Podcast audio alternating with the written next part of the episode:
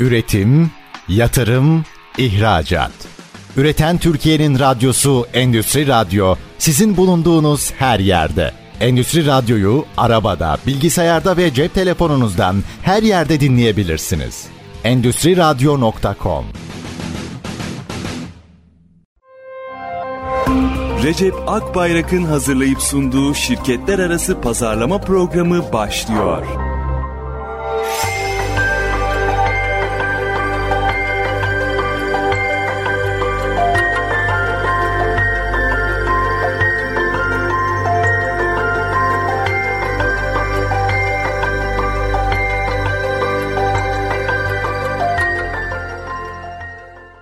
Şirketler arası pazarlamaya hoş geldiniz. Gözde merhaba. Merhaba. Birikmiş sorularımızla başlayalım mı hızlıca? Şey eleştiriler alıyoruz ya sıklıkla işte cevap vermediğiniz sorumuza diye birikmiş sorularımız var. Hızlı hızlı onlarla başlayalım. Sizler de bize 0555 169 99 97 WhatsApp hattımızdan dilediğiniz zaman sorularınızı iletebilirsiniz. İsmail Bey'in sorusuyla başlayalım bugün ilk bölümümüze. Marka algımızı araştırmak için anket çalışmasını nasıl hazırlamalıyız? Önceki yıllarda yaptığımız anketlere katılım oldukça düşüktü demiş. Marka algısı, markanın bilinirliğini kastediyorsa eğer bu başka bir çalışma gerektiriyor. Markanın algısını yönetmek ise yani kendi içerisinde başka bir disiplin gerekiyorsa, bir araştırma gerekiyorsa çok fazla soru lazım. Bu oldukça zor bir iş. Yani bunu kendi bünyenizde yapmak o kadar kolay bir şey değil. Araştırma şirketlerinde kullandığı belli data var. Bu data ile kendi içerisinde işte soru cevapla devam edebiliyor. Bunlara da gene katılım oranı son derece düşük oluyor. Yani biraz burada aslında biz marka bilinirliği ile ilgili belli bir dataya odaklanarak, datayı kendinizin belirlediği belli bir dataya odaklanarak odaklanarak sonuçta hani biliniyor musunuz ne kadar biliniyorsunuzun ortaya çıkacağı veri sizi destek sağlayacak. Yani bu bilgi siz nerede olduğunuzu göreceksiniz. Hani burada kendinizi yanıltacak hani olmadık bir datayı zaten siz bilenleri bir datayı işleyerek işin içine girmenizin bir alemi yok. Dolayısıyla ne yapabiliyorsunuz? Orada ciddi manada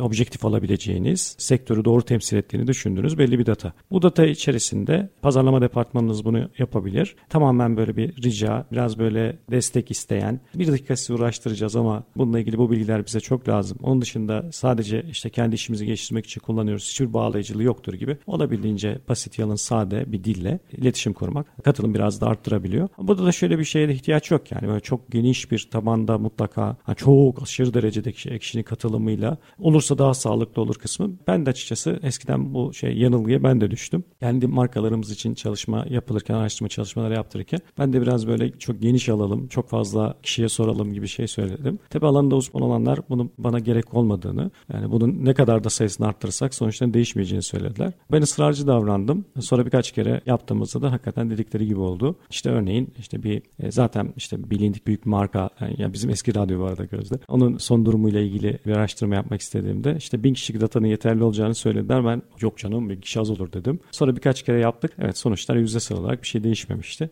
Yani ana hatlarıyla böyle özetleyebilirim. Çok doğrudan uzmanlık alanım olmadığı için çok fazla bir şey söyleyemiyorum. Burada doğru kitleye gidebilmek önemli aslında. Bu doğru datanın oluşturulması. Çünkü gittiğimiz şirkette bile belki doğru şirkete git soruyorsak bile oradaki hangi departmana sorduğumuz belki katılım o şekilde o yüzden de düşük olabilir. Yani belki bizim markamızı bilmiyor olabilir. O departman çok bizimle ilgisiz bir departmandaki kişiye soruyor olabiliriz. Bizim markamızı tanıyor musun ya da biliyorsanız marka algısıyla ilgili bazı sorular sorabiliriz. Burada belki tanınırlık düşük. Tabii öncesinde bir bilinirlik çalışmaları, pazarlama çalışmalarının da yapılmış olması. Hani genele daha çok hitap eden bir marka olduysak katılım da daha fazla artacaktır. En azından insanlar o marka hakkında söyleyebilecek bir sözü olacaktır. Hani daha önce çalışmasa bile en azından bir fikri olabilir. Aslında tabii burada pazarlamada kullanmak için en iyi bir hem de sonuçlarını ölçmek için iyi bir yöntem bu. Önce markanızın nerede olduğunu araştırıyorsunuz. O cepte duruyor. Sonra pazarlama faaliyetlerinizle beraber sonra belli periyotlarla bir daha yaptığınızda nereye eriştiğinizde görebiliyorsunuz. Yani bunlar belli periyotlarla yapılması marka bilinirliği açısından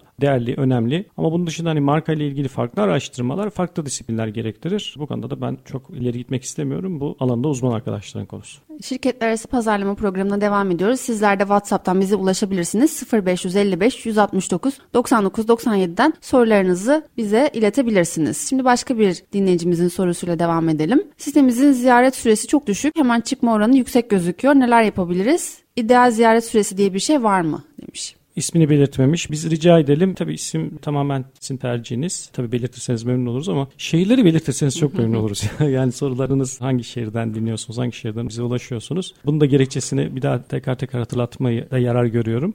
Yani şu an karasal yerinde olduğumuz iller var. Bir de karasaldan dışında da dijitalden her yerden dinlenilebiliyor. Acaba hani dijital kanallardan da ne kadarız? Orada bir online'da anlık aktif kişileri görebiliyoruz falan. Bu heyecan verici oluyor. Onun için bu bilgiler bize lazım. Şimdi değerli dinleyicimizin web sitesiyle ilgili belli bir trafik, belli bir yorgunluk. Hani çok yüksek trafiklere ulaşmaya biz performans yayıncılığı diyoruz. Yani bunun için buna özel bir web sitenizde ona göre içerikler üretirsiniz. Ona göre bir işte çeşitli kanallardan pazarlama yaparsınız ve web sitenize belli bir trafik çekersiniz. E de ne olacak yani bu size çok yüksek manada çok yüksek trafikli bir siteye sahip olmak B2B markalar için yani hedef kitlesi şahsi şirket olanlar için ne işe yarayacak? Burada aslında performanstansa nitelikli bir yayın çizgisi ve orada sağladığınız içerikler o içeriklerin doğru pazarlandığı iyi bir pazarlama stratejisi daha önemli ve değerli. Hemen çıkma oranının yüksekliği bize şunu gösteriyor web sitelerinde. Marka vaadimizle ilgili özellikle de e, SEO'da gerçeği yansıtmayan içerikler. Burada bir sorun yaşıyoruz. Yani başka bir şey algılayarak siteye geliyor. Aradığı şey olmadığı için geri çıkıyor. Bunun aslında çok büyük bir riski var. Çünkü arama motorları birkaç kez bu tekrarlandığında doğru kitleye, doğru siteleri öne çıkaramadığını algılayıp aşağı doğru indiriyor sizi. Keşke bu hiç yaşanmamış olsa. Dolayısıyla bir popüler içerik, çok geniş alma, sizin işinizle ilgili olmayan arama sonuçlarını karşısına çıkmanın, doğal arama sonuçları karşısına çıkmanın böyle sorunları var. Dolayısıyla bunları elemekte yarar var. Sonra sitenizde doğru dizayn edilmiş. Yani gelenlerin tamamen sizin işinizle ilgili olduğunu ve bu organik aramanın dışında da kendi pazarlamalarınızda doğru mesajları verdiğiniz bir çizgi pazarlama çizgisi bu daha çok fayda sağlayacaktır. Bu birleştirirsek eğer hem organik tarafta sitenizde doğru bilgilerin olması hem de dijital kanallarda çünkü orada bir marka değeri olmadığı için ciddi manada doğru bilgileri vererek spesifik bir kesimle de ilgileniyorsanız bile mutlaka doğru bilgileri vererek web sitenize doğru trafikleri çekmek sitede kalma süresini son derece daha yukarılara çıkaracaktır. Daha bunun bir şeyi var mı? Bir ideali var mı? Yok. Ama web sitenize gelenlerin sitenizde birden fazla sayfa gezmeleri arama motorları açısından, algoritması açısından önemli. Ona göre de içerikleri dizayn edilebilir. İşte bunun için oluyor bazı şeyleri tek sayfada vermiyorlar da birden fazla sayfa yönlendirerek yapıyorlar web sitelerinde. Özgür Bey'in sorusu var. Uyguladığımız pazarlama çalışmalarından gerekli verimi alamadığımızı düşünüyorum. Bu planda ne kadar ısrar etmeliyiz? Yani aslında biz ne için pazarlama yapıyoruzu bir baştan bir kurgulayalım, bir gözden geçirelim. Bir kere önce bilinmedik bir markanın tercih edilmesini sağlamak zordur. Yani tercih edilmesini sağlasanız da elinizdeki tek güç fiyat gücü olur. Bunun da sonu yok. Yani daha ekonomini bulduğunda sizden değil gene oradan alacaktır. Dolayısıyla önce bir kere bilinir bir marka inşa etme. Bilinir markayı geçtik bunu yaptınız. Pazarlamadaki gerekçeniz buydu. İkincisi örneğin belli bir ürünün satışı konusunda bir pazarlama yapıyorsunuz. Ama belli süreçler yaptınız bunu. Örneğin işte hani bir kaç kanaldan gittiğiniz varsayalım varsayalım. Sadece dijital için söylemeyelim bunu. Birkaç kanaldan gidiyorsunuz ama buna rağmen işte 3 aylık bir dilimde geri dönüşler sizi yeterince tatmin etmiyor. Yani bir reaksiyon olarak satışa doğrudan etki etmesi anlamında söylemiyorum. Geri dönüşler anlamında söylüyorum. Yani lead toplamada toplama, geri dönüşler, kurduğunuz temaslarda size sorulan sorular gibi. Eğer oralar yetersiz kalıyorsa evet şartları çok fazla zorlamamak lazım. Eğer bu bir bilinirlik çalışması değil de mutlaka ürüne yönelik bir ya da bir yönetmeniz bir kampanyaysa 100 günden fazla şartları zorlamamak gerektiğini düşünüyorum. Burada etkileşim alabilmek önemli aslında. Yani satış tabii ki son nokta olarak hepimiz satışı bekliyoruz yani ticari şirketler olarak ama burada bir kampanyada pazarlama çalışmaları yaptığımızda aslında öncelikli olarak ilk adımda hedef kitlemizin buna bir reaksiyon göstermesini bekliyoruz. Burada aslında biz ne arıyoruz? Yani geri dönüşler sıfırsa zaten orada mutlaka yani 3 ay bile çok, 100 gün bile çok mutlaka belli iyileştirmelerle, revizelerle temasınızı tekrar tekrar deniyorsunuz. Ama burada hani belli dönüşler oldu. Eğer o belli dönüşlerde adetsel yetersizlik, belli dönüşlerde size sor sorulan sorularda kurulan pazarlama iletişimiyle yanlış bir dil, yanlış algılama ya da çok fiyat odaklı ya da başka işte çok büyük bir şey kalite odaklı sizin girmek istemediğiniz, giremediğiniz, yetersiz kaldığınız pazarlardan beklentiler gibi aslında bir takım verilerin bize geliyor olması lazım. İşte burada bu verilerin tamamı neredeyse sıfıra yakınsa o zaman bu sürelerin üzerinde bir yere gitmemek lazım. Yeni bir soruya girmeyelim istersen Gözde. Araya gitmeden Tabii, önce bugün kitap hediyemizi verelim. E, şirketler pazarlama programında her gün kitap hediyelerimiz var. Müşteri bulma sanatı kitabını hediye olarak almak almak için bir dakika içerisinde info.cepakbayrak.com'a kitap yazarak gönderebilirsiniz. İlk mail gönderen dinleyicimize kitap hediyesini ileteceğiz. Şimdi bir reklam arasına gideceğiz. Reklamlardan sonra görüşmek üzere. Üretim, yatırım, ihracat. Üreten Türkiye'nin radyosu Endüstri Radyo sizin bulunduğunuz her yerde. Endüstri Radyo'yu arabada, bilgisayarda ve cep telefonunuzdan her yerde dinleyebilirsiniz. Endüstriradyo.com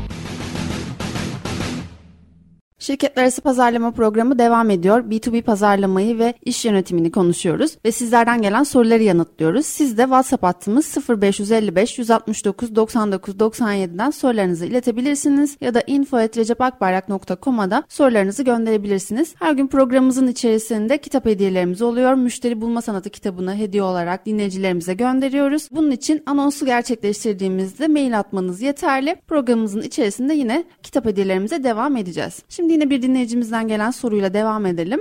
İsmini iletmemiş. Bir belgelendirme ve danışmanlık firmasında satış uzmanı olarak çalışıyorum. Firma sahibimiz sıfırdan firma aramaları yapma konusunda bize baskı yapıyor. Ancak ben bunun ayrı bir call center personeli tarafından yapılmasını istiyorum. Yeri geliyor tahsilat takibi ve tahsilini de biz yapıyoruz. Referans yöntemiyle ilerliyor. Enerjimi kazanıp nasıl satışımı artırabilirim demiş. Dinleyicimizin bu soruda dinleyicimizin isim vermemesi doğru olmuş. Biraz hafiften patronuna selzenişte bulunmuş. Haklı buluyorum. Çünkü belli bir data yönetimine ihtiyaç var. Bir B2B'de belli bir alan odaklanmadan sonuç almanız o kadar kolay bir şey değil. E, bu arada bu imkansız değil. Tek formüldür anlamında söylemiyorum. Sadece bu çok daha yüksek bütçe gerektirir. Yani yapabiliyorsanız eğer önce markanızı tüm popüler iletişim kanallarından tanıtarak belli bir çizgi yakalarsanız belli bir tanınırlık oluşur. Onun üzerine işleriniz daha kolaylaşır ama bu son derece yüksek bütçeler gerektirdiği için her B2B markanın bunu yapması mümkün değil. Hani bunu burada ağzımız doldura doldura öyle yapasa böyle yapasa da desek de yüzde kaç kişinin yapabileceği, kaç şirketin böyle bütçeler ayırabileceği havada kalıyor. Onun için daha çok yani küçük ve orta ölçekli işletmelerin de yapabileceği, pazarlama vizyonunda hani biraz daha çıtayı yukarıya koyabileceği, kademeli olarak biraz daha yukarıya koyabileceği stratejileri burada paylaşmayı daha faydalı buluyorum. Şimdi değerli dinleyicimizin sorusu çerçevesinde evet belli bir işte aramaları, belli bir data üzerinden aramaları eskiden call üzerinden de yapılıyordu. Ama bunlar artık kişisel verilerin koruması kanunu çerçevesinde o kadar kolay bir şey değil. Hani bir data oluşturacaksınız. Kendi kendinize bir data oluşturacaksınız. Oluşturduğunuz bu datayı nereden bulduğunuz belirsiz bu datayı sonra telefonla aramakta işte izinsiz olduğu için doğrudan mail göndermekte bunlar artık kolay işler değil. Bu yönüyle işte yeni firma bul, onunla bir temas sağla, sonra da bunu satışa çevirmeye çalış. Yani neredeyse B2B şirketlerin yani yüzde hani 95'inin üzerindeki yöntemi bu. Neden? İşte bir satıcı istihdam ettik. Burada zaten belli bir bütçeyi onun için kullanıyoruz. O da işte gitsin firmada bulsun, işte ikna da etsin, görüşsün, ikna etsin, satış yapsın, tahsilat yapsın. Yapabiliyorsa işte başarılı yapamıyorsa başarırız. Şimdi bu yönteme dönüp baktığınızda ben bunu gereksiz pahalı buluyorum. Neden? E, satıcılar zaten işte yani satış ekibi kolay kurulamıyor, satıcı kolay yetişmiyor. Tabii ki yetiştirilebilir ama bunun bir belli oranda da bir yaşam tarzıdır satış. Bir doğal yetenek de istiyor yani bu. Yani bu çerçevede bir yandan siz satıcıya belli standartların üzerinde bir bütçe ayıracaksınız. Sonra onu hani daha az değerli olan işlerde de kullanacaksınız. Dolayısıyla maliyetinizi arttırdınız. Onu yapmak yerine satış destekle, pazarlama ekibiyle, satıcının daha doğru firmalarla görüşebilmesini sağlayacak yatırımı yapmak daha faydalı. Çünkü bu daha sürdürülebilir. Çünkü bu daha kişiye endeksli bir iş değil. Bir sistem kurma üzerine kurulu. Şimdi bu bir çerçeve çizmeye çalışayım. Değerli dinleyicimizin bu sorusuna cevap olacağını düşünüyorum bu yapıyla. Mesela işte ne ürününüz hizmetiniz tamamen bağımsız bir şekilde e, belli bir alana odaklanacağınız yine belli bir e, data oluşturmanız gerekiyor. E, bu data gene işte izini hangi aşamada alacaksınız? Dolayısıyla bu seviye biraz oldukça zor olduğu için bir ne diyelim işte satış destek diyelim. Mutlaka pazarlama departmanına bağlı. Satış destekteki bir arkadaş bugün sosyal medyadan biraz zaman ayırarak böyle bir datayı oluşturması mümkün. Orada bir etkileşim de zaten kendi doğası gereği başlıyor. Yani bir şekilde davetler gönderiyorsunuz, kabul ediliyor. Ona işte e, küçük notlar yazıyorsunuz. Orada sağladığınız bilinirlik sonra tekrar onlarla yeniden iletişim kurmanız açısından faydalı. Bu şekilde şirket hesabınız, şahsi hesabınız, şirketiniz içerisinde sadece satıcı değil, satıcıyla birlikte pazarlama departmanınız, satış destekteki arkadaşlarınızın kurmuş olduğu bir ağla belli bir alana işte bu bahsettiğimiz yöntemle datanın yavaş yavaş artırıldığı bir alana odaklandığında belli aralıklarla da paylaşımlar yaptığında zaten bir diyalog başlıyor. Şimdi artık bir marka stratejisi, bir marka vaadi, pazarlama stratejisi, bir marka vaadini merkeze aldığınızda orada eğer biraz güçlendirebilecek, biraz merak uyandıracak, biraz bir faydayı çözecek bir stratejiyi bulabilirseniz eğer sektörünüzle ilgili yani rakiplerinizden farklılaşacağınız ortaya iyi bir marka vaadi koyabilirsiniz. Bu sefer sizinle artık bu vaadinizi dinlemek için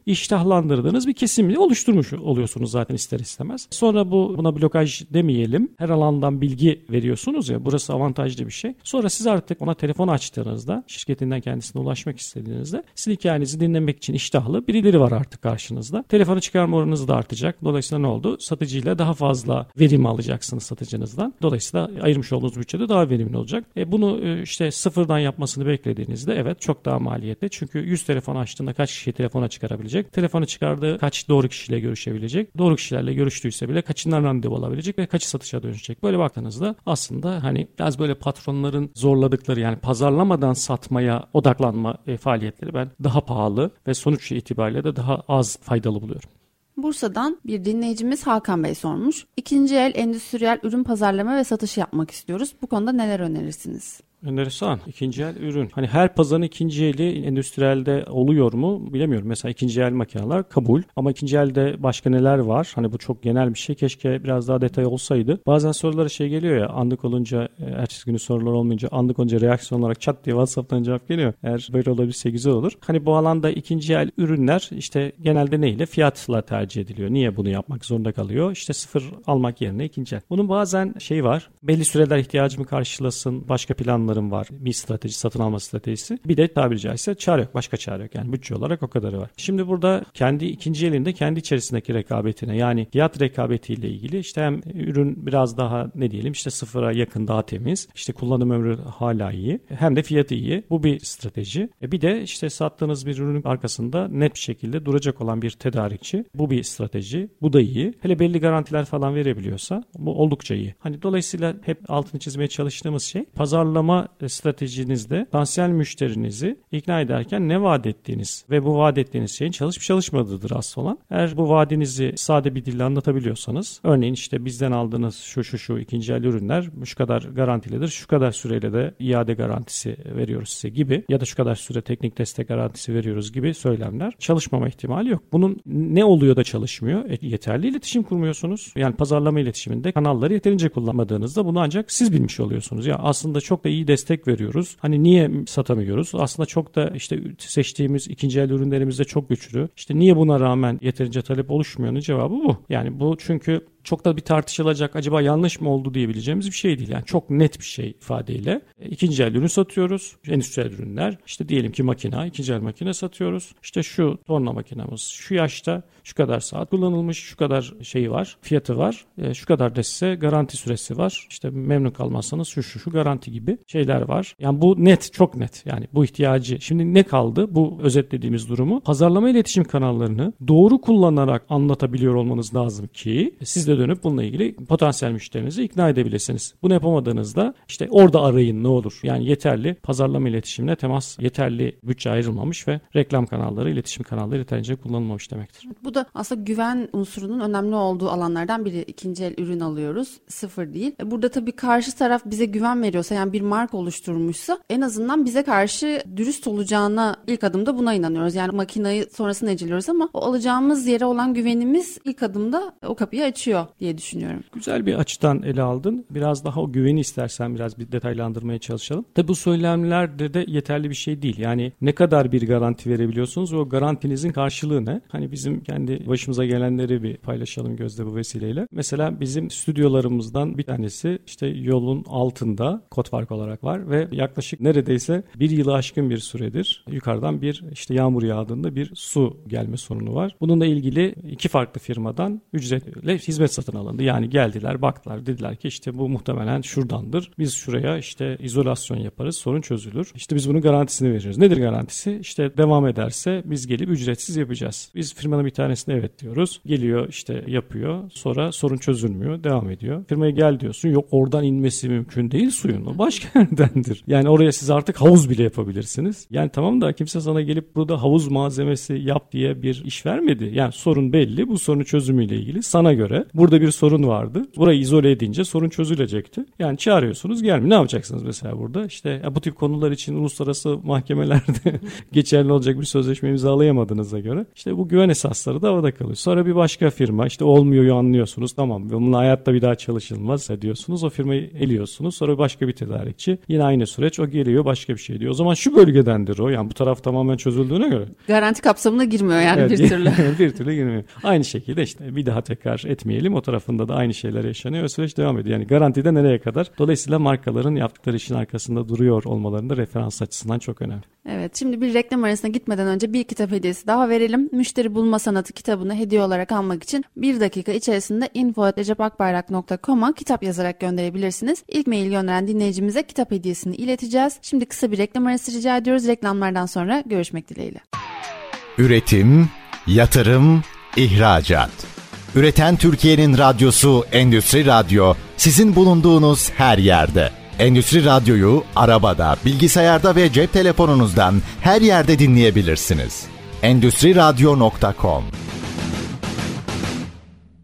Şirketler arası pazarlama programı devam ediyor. B2B pazarlamayı ve marka yönetimini konuşuyoruz. Sizlerden gelen soruları yanıtlıyoruz. WhatsApp hattımız 0555 169 99 97'ye sizlerden gelecek soruları da bekliyoruz. Ya da info.tecepakbayrak.com'a da pazarlama ile ilgili sorularınızı iletebilirsiniz. B2B pazarlamayı konuşuyoruz tabii. Selçuk Bey'in sorusuyla başlayalım bu bölümümüze. Firmalardaki bakım departmanındaki kişiler hedef kitlemizi oluşturuyor. Bununla ilgili ne tür çalışmalar yapabiliriz diye sormuş. Gözde bu böyle nokta atışı sorular gelince ne kadar güzel oluyor değil mi? Tam böyle evet. e, sektörün içinden, tam böyle endüstriden. Cimiz oldu belli oluyor belli aslında. Oluyor, mi? Evet. Tam böyle tam karşılığı. Hatırlarsan hani son toplantılarımıza yakın şimdi marka adını vermeyeceğiz. Toplantılarımızdan bir tanesinde böyle radyoda da e, radyomuzda da sıklıkla reklamı çıkan bir firmanın işte satışından sorumlu en tepe yöneticisi işte bakımcılarla görüşürken bir aracıyla bakımcıyla görüşmek için randevu aldıklarında ilk daha temas ettiğinde ona işte radyoda sürekli duyuyoruz. Bir anlatın bakalım neymiş hikayeniz falan mealinde bir şey bir söz söylemişti. Şimdi bakım tarafı gibi spesifik yani satışa doğrudan satın almacı değil onlar ama en doğru kişiler. Yani siz doğrudan bakımcılara ulaşmak istediğinizde önce hikayenizi, şirketinizin hikayesini, sağladığınız faydayı anlatabileceğiniz önce bir farklı kanallardan ulaşabilmek önemli ve değerli. Çünkü hani bu kişilere kendi ürünleriyle ilgili, hizmetleriyle ilgili bilgi vermek üzerine kurulu dışarıda çok fazla satıcı var. Yani herkes farklı farklı ürünler, kimisi rakipleriniz, kimisi değil ama herkes bakımdan geçmek istiyor. Şimdi bu bakımdan sorumlu kişilere telefonla ulaşmaya çalışıyorlar. Kimi fabrikalar prensip olarak onlara telefon bağlamıyor. Kimisi bağlıyor. Onlara işte sosyal medyadan ulaşıyorlar. Bir takım mesajlar atıyorlar. Maillerini buluyorlar. Mail gönderdi. Allah'ım yani bunlar bakımdan sorumlu çalışan kişilerin ana işi bu değil ki. Hani mevcut işindeki hani bakımdan sorumlu. Yani onun böyle daha iyileştirilmesi tabii ki işinin bir kısmına giriyor ama bunun e, bir kısmı da pazarlama tarafında. Dolayısıyla tek başına birini ikna etmek de yetmeyecek. Bir yandan bakım, bir yandan satın alma biraz da yatırım bütçesi gerektirecek yüksek rakamlardaysa ürünleriniz o zaman yatırımdan sorumlu kişileri de büyük işletmelerde neredeyse firma sahiplerine kadar da ikna etmeniz gereken bir süreçten bahsediyoruz. Onun için çok büyük bir emek veriliyor. Yani ben bakımcıyı ikna edebilirsem o da gider satın almacıya benim markamı söyler. Mutlaka benim ürünüm çalışır. Çalışmaz. Öyle olmuyor. Şöyle oluyor. Olabildiğince zaten birçoğuna hayır diyor. Görüşmek istemiyor. işte e, vakit ayırmak istemiyor. Vakit ayırsa da olabildiğince bazen de hani işte memnun olmayınca da amiyane tabirle top çeviriyor. Oluyormuş gibi gözüküyor. Onun için yani bunlara çok fazla sadece temas etmekle sonuç beklemek gerçekçi değil. Temastan önce mutlaka satış sürecini başlatmadan önce pazarlama iletişimiyle belli bir farkındalık, rekabet yönetimi açısından belli bir müşterilerin zihninde markanızı farklı konumlandıracak bir dil, bir jargon, bir söylem, bir slogan, bir iddia bulmak. Sonra da o iddianızı destekleyecek faaliyetlerde bulunmak. Bunu başardığınızda o zaman bu kişilere daha fazla ulaşabiliyorsunuz. Söyledikleriniz daha kıymetli oluyor. Rakiplerinizden zaten ayrışmış oluyorsunuz ve satışa giden kanallar ve satış adetleri bu yöntemle daha fazla artmış oluyor. İsmini iletmemiş bir dinleyicimizin sorusu var. Yeni temas kurulan müşterilerle toplantıda nelere dikkat edilmeli? Sunum ve benzeri detaylar nasıl olmalı?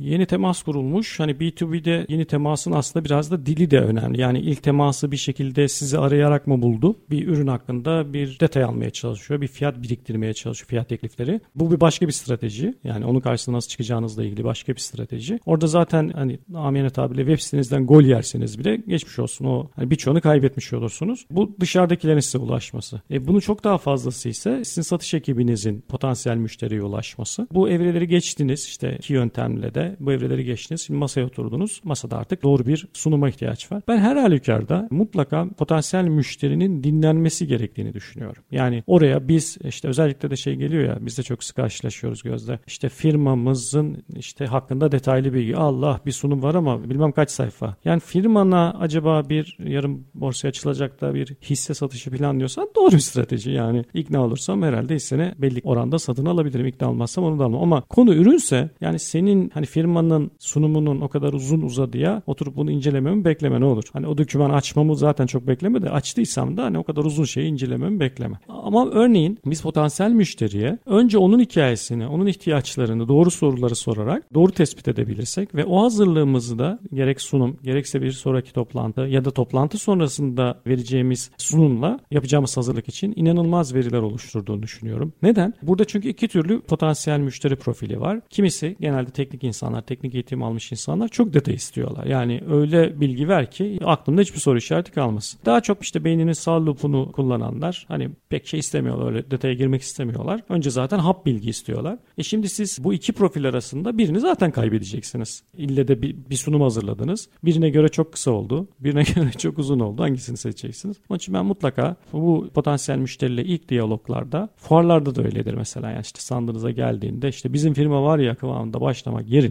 onu mutlaka potansiyel müşteriyi dinlemek çok daha önemli. Toplantı öncesinde de öyle. Toplantıda da öyle. Hele iş teklif verme, sunum yapma aşamasına geldiğinde iyice sadeleştirilmiş. Tamamen potansiyel müşteriye göre özelleştirilmiş ve onun ne istiyorsa o bilgilerin orada olduğu, istemediği hiçbir bilginin orada olmadığı bir sunumun en değerli sunum olduğunu düşünüyorum. Sen ne düşünüyorsun Gözde? Ben de bu şekilde düşünüyorum. Karşı tarafı dinlemek çok önemli. Herhangi bir işte toplantıya gittiğimizde ya da bir fuarda e, ziyaret ettiğimizde, karşılaştığımızda bir anda aslında karşı tarafı bilgi bombardımanına tuttuğumuzda zaten çoğu anlaşılıyor ya da anlaşılmıyor ve belli bir noktadan sonra da karşı taraf için artık sıkıcı bir hale gelebiliyor. Yani toplantının bitmesini bekliyor olabilir, sürekli saatine bakıyor olabilir artık. Bunlar ilgilenmediği kısımlarla ilgili tabii ki. Zaten merak ettiği konularla ilgili karşı taraf bize soruyu yöneltecektir işte ürünümüz ya da hizmetimizle ilgili. Detay almak istediği noktalarda zaten karşı taraf bizi aslında belki de birazcık sıkıştıracaktır o sorularla. Bunlara doğru yanıt verebilmek, bunlara açıklayıcı yanıt verebilmek önemli. Ama çok fazla bilgi verdiğimizde ben de öyle düşünüyorum. Hani karşı tarafta bir şey oluyor bir süre sonra artık hani yeterli bu kadar bilgi benim için fazla oldu gibi bir şeye dönüşebiliyor. Evet maalesef. Gene deneyimlerimizden birini aktaralım değerli dinleyicilerimizle. Bir fabrikaya gitmiştik. Bazı fabrikalar bunu seviyorlar. Aa, evet. evet. Daha işte girişte o abartılı güvenlik, abartılı güvenlikten geçildikten sonra böyle bir aslında hiç gündemde olmayan, bize de teklif edilmeyen bir firma hakkında bir sunum. İşte televizyonun karşısına, ekranı karşısına geçirildik, toplandık oraya. Orada firma hakkında bir sunum. Şu tarihte kuruldu, şöyle oldu, şunlara yaptı, bunları yani bunlar böyle bir niyetimiz var mı? Böyle bir talebimiz var mı? Bunun için bizden bir onay aldınız mı? Bu biraz böyle ben yaptım oldu kıvamında bir şey. Mesela iyi bir şey yapmak isterken bu aslında pazarlamanın içerisinde, Hı. pazarlama disiplininin içerisinde olan bir şey. İyi bir şey yapayım derken aslında çok daha sorunlu problemlerle bir şeye dönüştürdünüz. Neden? Ben öyle tercih ettim. İşte veriye dayalı olmayan pazarlama faaliyetlerinin hani şey vardır ya en böyle sıkıntılı sözlerden bir tanesi reklamın kötüsü olma. Ya olmaz olur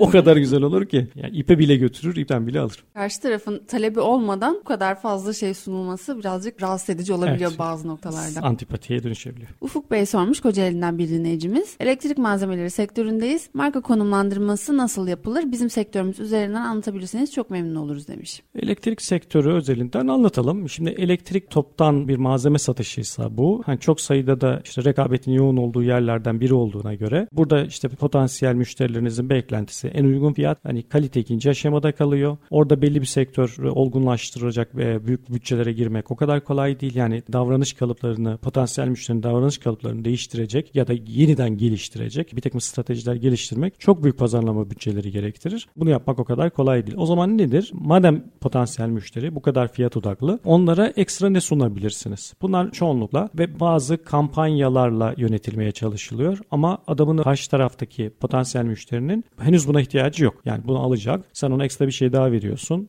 Çok istediği bir şey değil. Belli alacak stoğunda tutacak örneğin sürekliliği olan malzeme. O da gene çok tercih edeceği bir şey değil. Çünkü müşteri elektrik sektörü için özellikle toptan malzeme için zaten sahadaki işleri alıp o işler kadar şey alıp e, ürün satın alıp ihtiyacı karşılamak yani daha fazla bir şeyin stoğunda durması ile ilgili beklentisi yok. Şunun için detaylandırmaya çalışıyorum.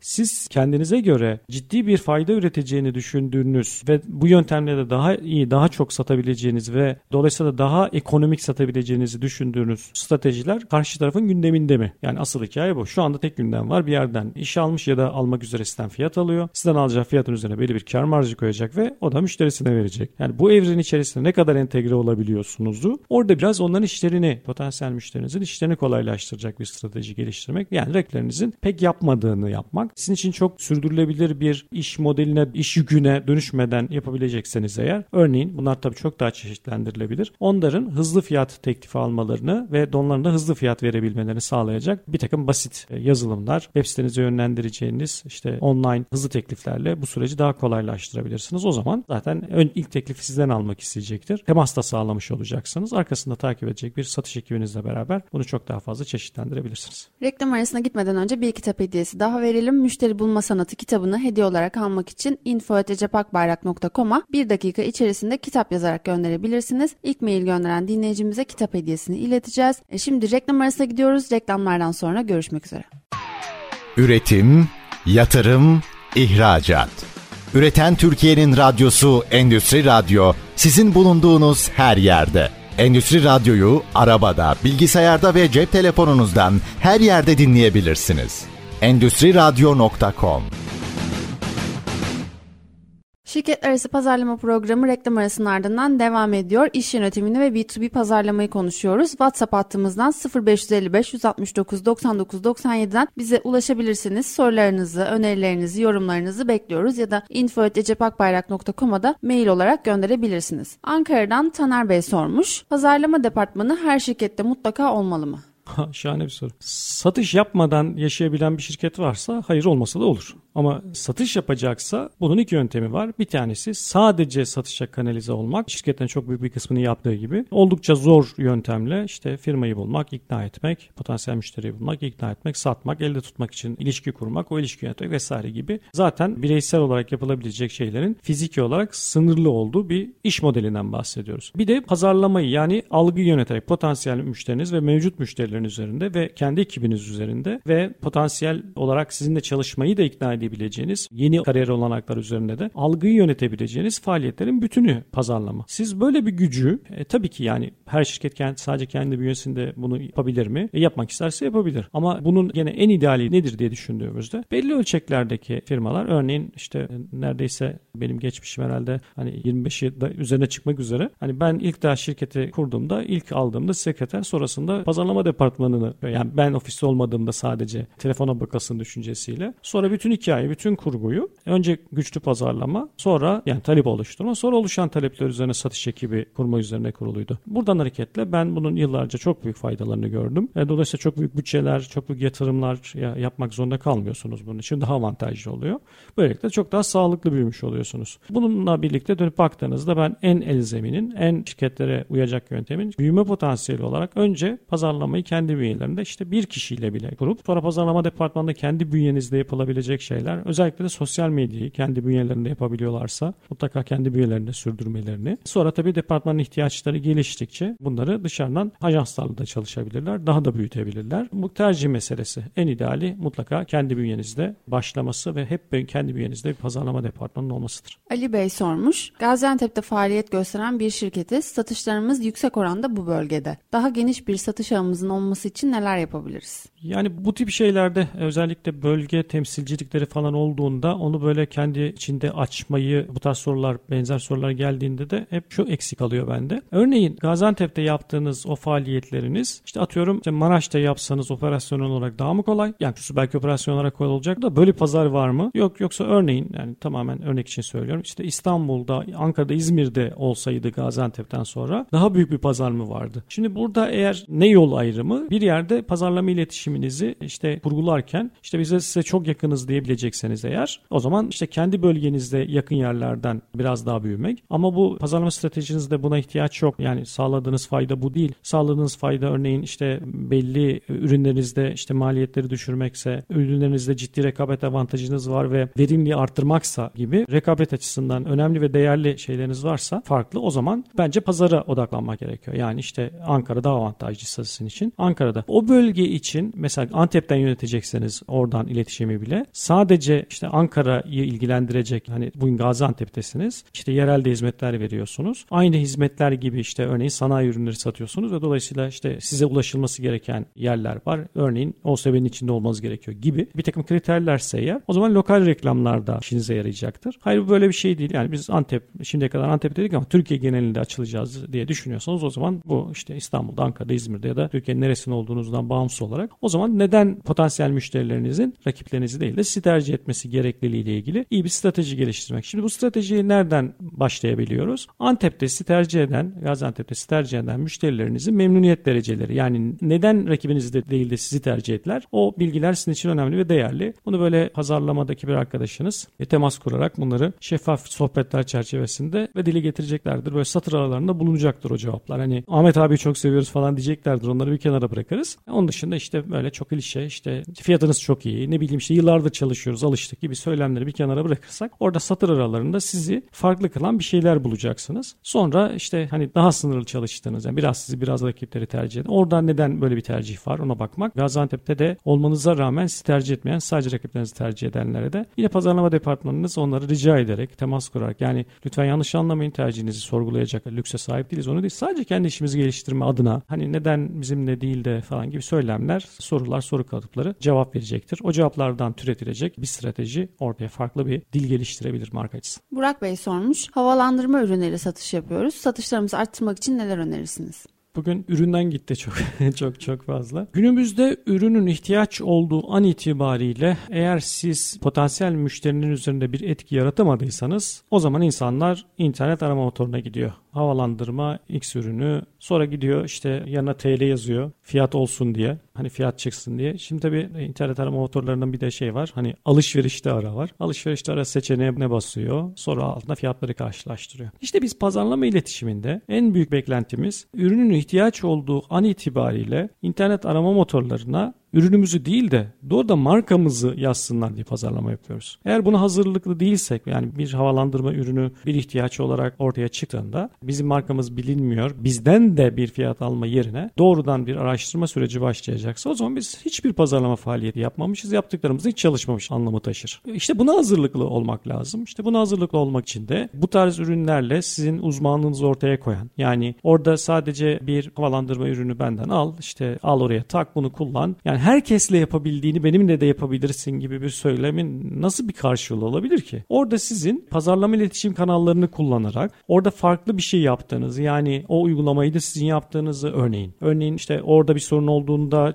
çözümün bir parçası olduğunuzu, onun henüz sorun aşamasına gelmeden önce sizin orada sağlayabileceğiniz diğer faydalar gibi ön plana çıkaracağınız bir strateji pazarlama iletişim kanalları kullanarak sıklıkla potansiyel müşteriniz karşısına çıkıp belli bir algıyı oluşturabilirsiniz. Neyi kastediyoruz burada. Örneğin içerik pazarlayarak yapabilirsiniz. Yani bu konuda düzenli içerikler üretebilirsiniz. Bunun bir kısmını sosyal web sitenize yayınlarsınız. Hem bu SEO açısından da avantajlı olur. Aramalarda da gelecektir karşısına. Hem bunu işte sosyal medyada kanallarında da paylaşırsınız. Bunu işte çeşitli basın bültenleri yapıp böyle çok fazla reklam içeren gibi değil de hani okuyucu, izleyiciyi, dinleyiciyi bilgilendirme esaslarına dayalı içerikler formunda dış basına da servis edebilirsiniz. Bunu kendi bünyenize de yapabilirsiniz. Pazarlama departmanınız yapar. Dışarıdan da hizmet satın alıp ajanslara da yaptırabilirsiniz yapacaksınız. Şimdi içerik şeydir, içerik candır ya. Hani içerikle bunu sağladınız. Bu hani belli bir oranda size belli bir bilinirlik sağlayacaktır. Marka değer açısındansa reklam kanalları sizin için önemli. Hani ara ara çıkıp bir e, işte televizyonda böyle kısacık C bile deseniz bakın bu kısacık sadece televizyon kanallarını kullanarak yeni birilerine kendinizi gösterme örneğin bant reklam için söylüyorum farkına bile varmaz. Örneğin çok pahalı bütçelerden çok yüksek bütçelerden bahsediyoruz çok pahalı reklam kanallarından. Örneğin işte B2B markaların çıkıp işte atıyorum maç müsabakalarında işte LED reklam alanlarına logolarını göstermeleri, reklamlarını vermeleri. Oralarda sadece ve sadece daha önce bir şekilde temas ettiğiniz sizi bilenlerin göreceği bir şey o. Ve o şunu sağlıyor işte. Vay be ne kadar büyüdüler. İşte ne oldu? Buyurun şeyden ayrıştınız. Ama bu hakikaten geride böyle bir miras biriktirebildiniz mi? Bu da emin değilseniz ne olur oralara bütçe kullanmayın. Bilinirlik açısından neleri kullanabiliyorsunuz? İşte özellikle hafif melodik olan böyle e, akılda kalacak radyoda markanın ismini birkaç kere tekrarlandı reklamlar onlar da değerlidir. Ne oldu şimdi? Dergiler, sektörel dergiler. Karşılarına çıktınız. Her kanaldan potansiyel müşterinizin karşısına kabul edilebilir bütçelerle çıktığınızda işte o zaman havalandırma ile ilgili bir ürüne ihtiyacı olduğunda size doğrudan ulaşsın. Bütün çabamız bunun için. Demet Hanım sormuş. Satış ekibinde data yönetimi nasıl yapılmalı? Satış ekibi müşteri datası üzerine nasıl çalışmalı? Valla soru kapsamlı, zaman sınırlı, sınırlı. Ben çok hızlı bir şekilde aktarmaya çalışayım. Şimdi yani data oluşturma ile ilgili bir kere önce artık KVKK açısından en hızlı, en kolay olması gereken yer bir talep oluşturmak. Önce bir doğru, güzel, iyi bir pazarlama diliyle havuçla bir bizimle iletişime geçmesini sağlayacak doğru potansiyel müşterilerimiz için bir çalışma başlatılabilir. Sosyal medya bunun için iyi bir kanal. Sosyal medya hesabımızla ilgili konuda bize doğrudan tamamen doğru hedef kitleni takip edebileceği biraz sabırlı olacağımız bir iç içerik paylaşımları zinciri. Hani böyle sakın popülerliğe girmeden böyle olabildiğince tamamen ne arıyorsak onlara seslenen hatta olduğu gibi doğrudan işte ilk algoritma açısından değerli olsun diye hani rica ederek mevcut ve potansiyel müşterilerimizden iletişimde halinde olduklarımızı linkle göndererek rica ederek takip etmelerini e, sağlayarak zeminini doğru oluşturduğumuzda oradan bir data oluşuyor. Bu çok kapsamlı bir soru. Hani ilerleyen programlarda tekrar konuşuruz data belirlenmesini. Datanın artık güncel kılınması ve sizinle iletişim sürdürülebilmesi açısından belli bir stratejiyle tekrar gündeme getirmenin, orada size bağ kurmanın, düzenli bilgi verdiğinizin izlenimi sağlamanın değerli olduğunu söyleyelim. Bugünlük ayrılan sürenin sonuna geldik. Yarın tekrar görüşmek dileğiyle. Hoşçakalın. Görüşmek üzere. Hoşçakalın.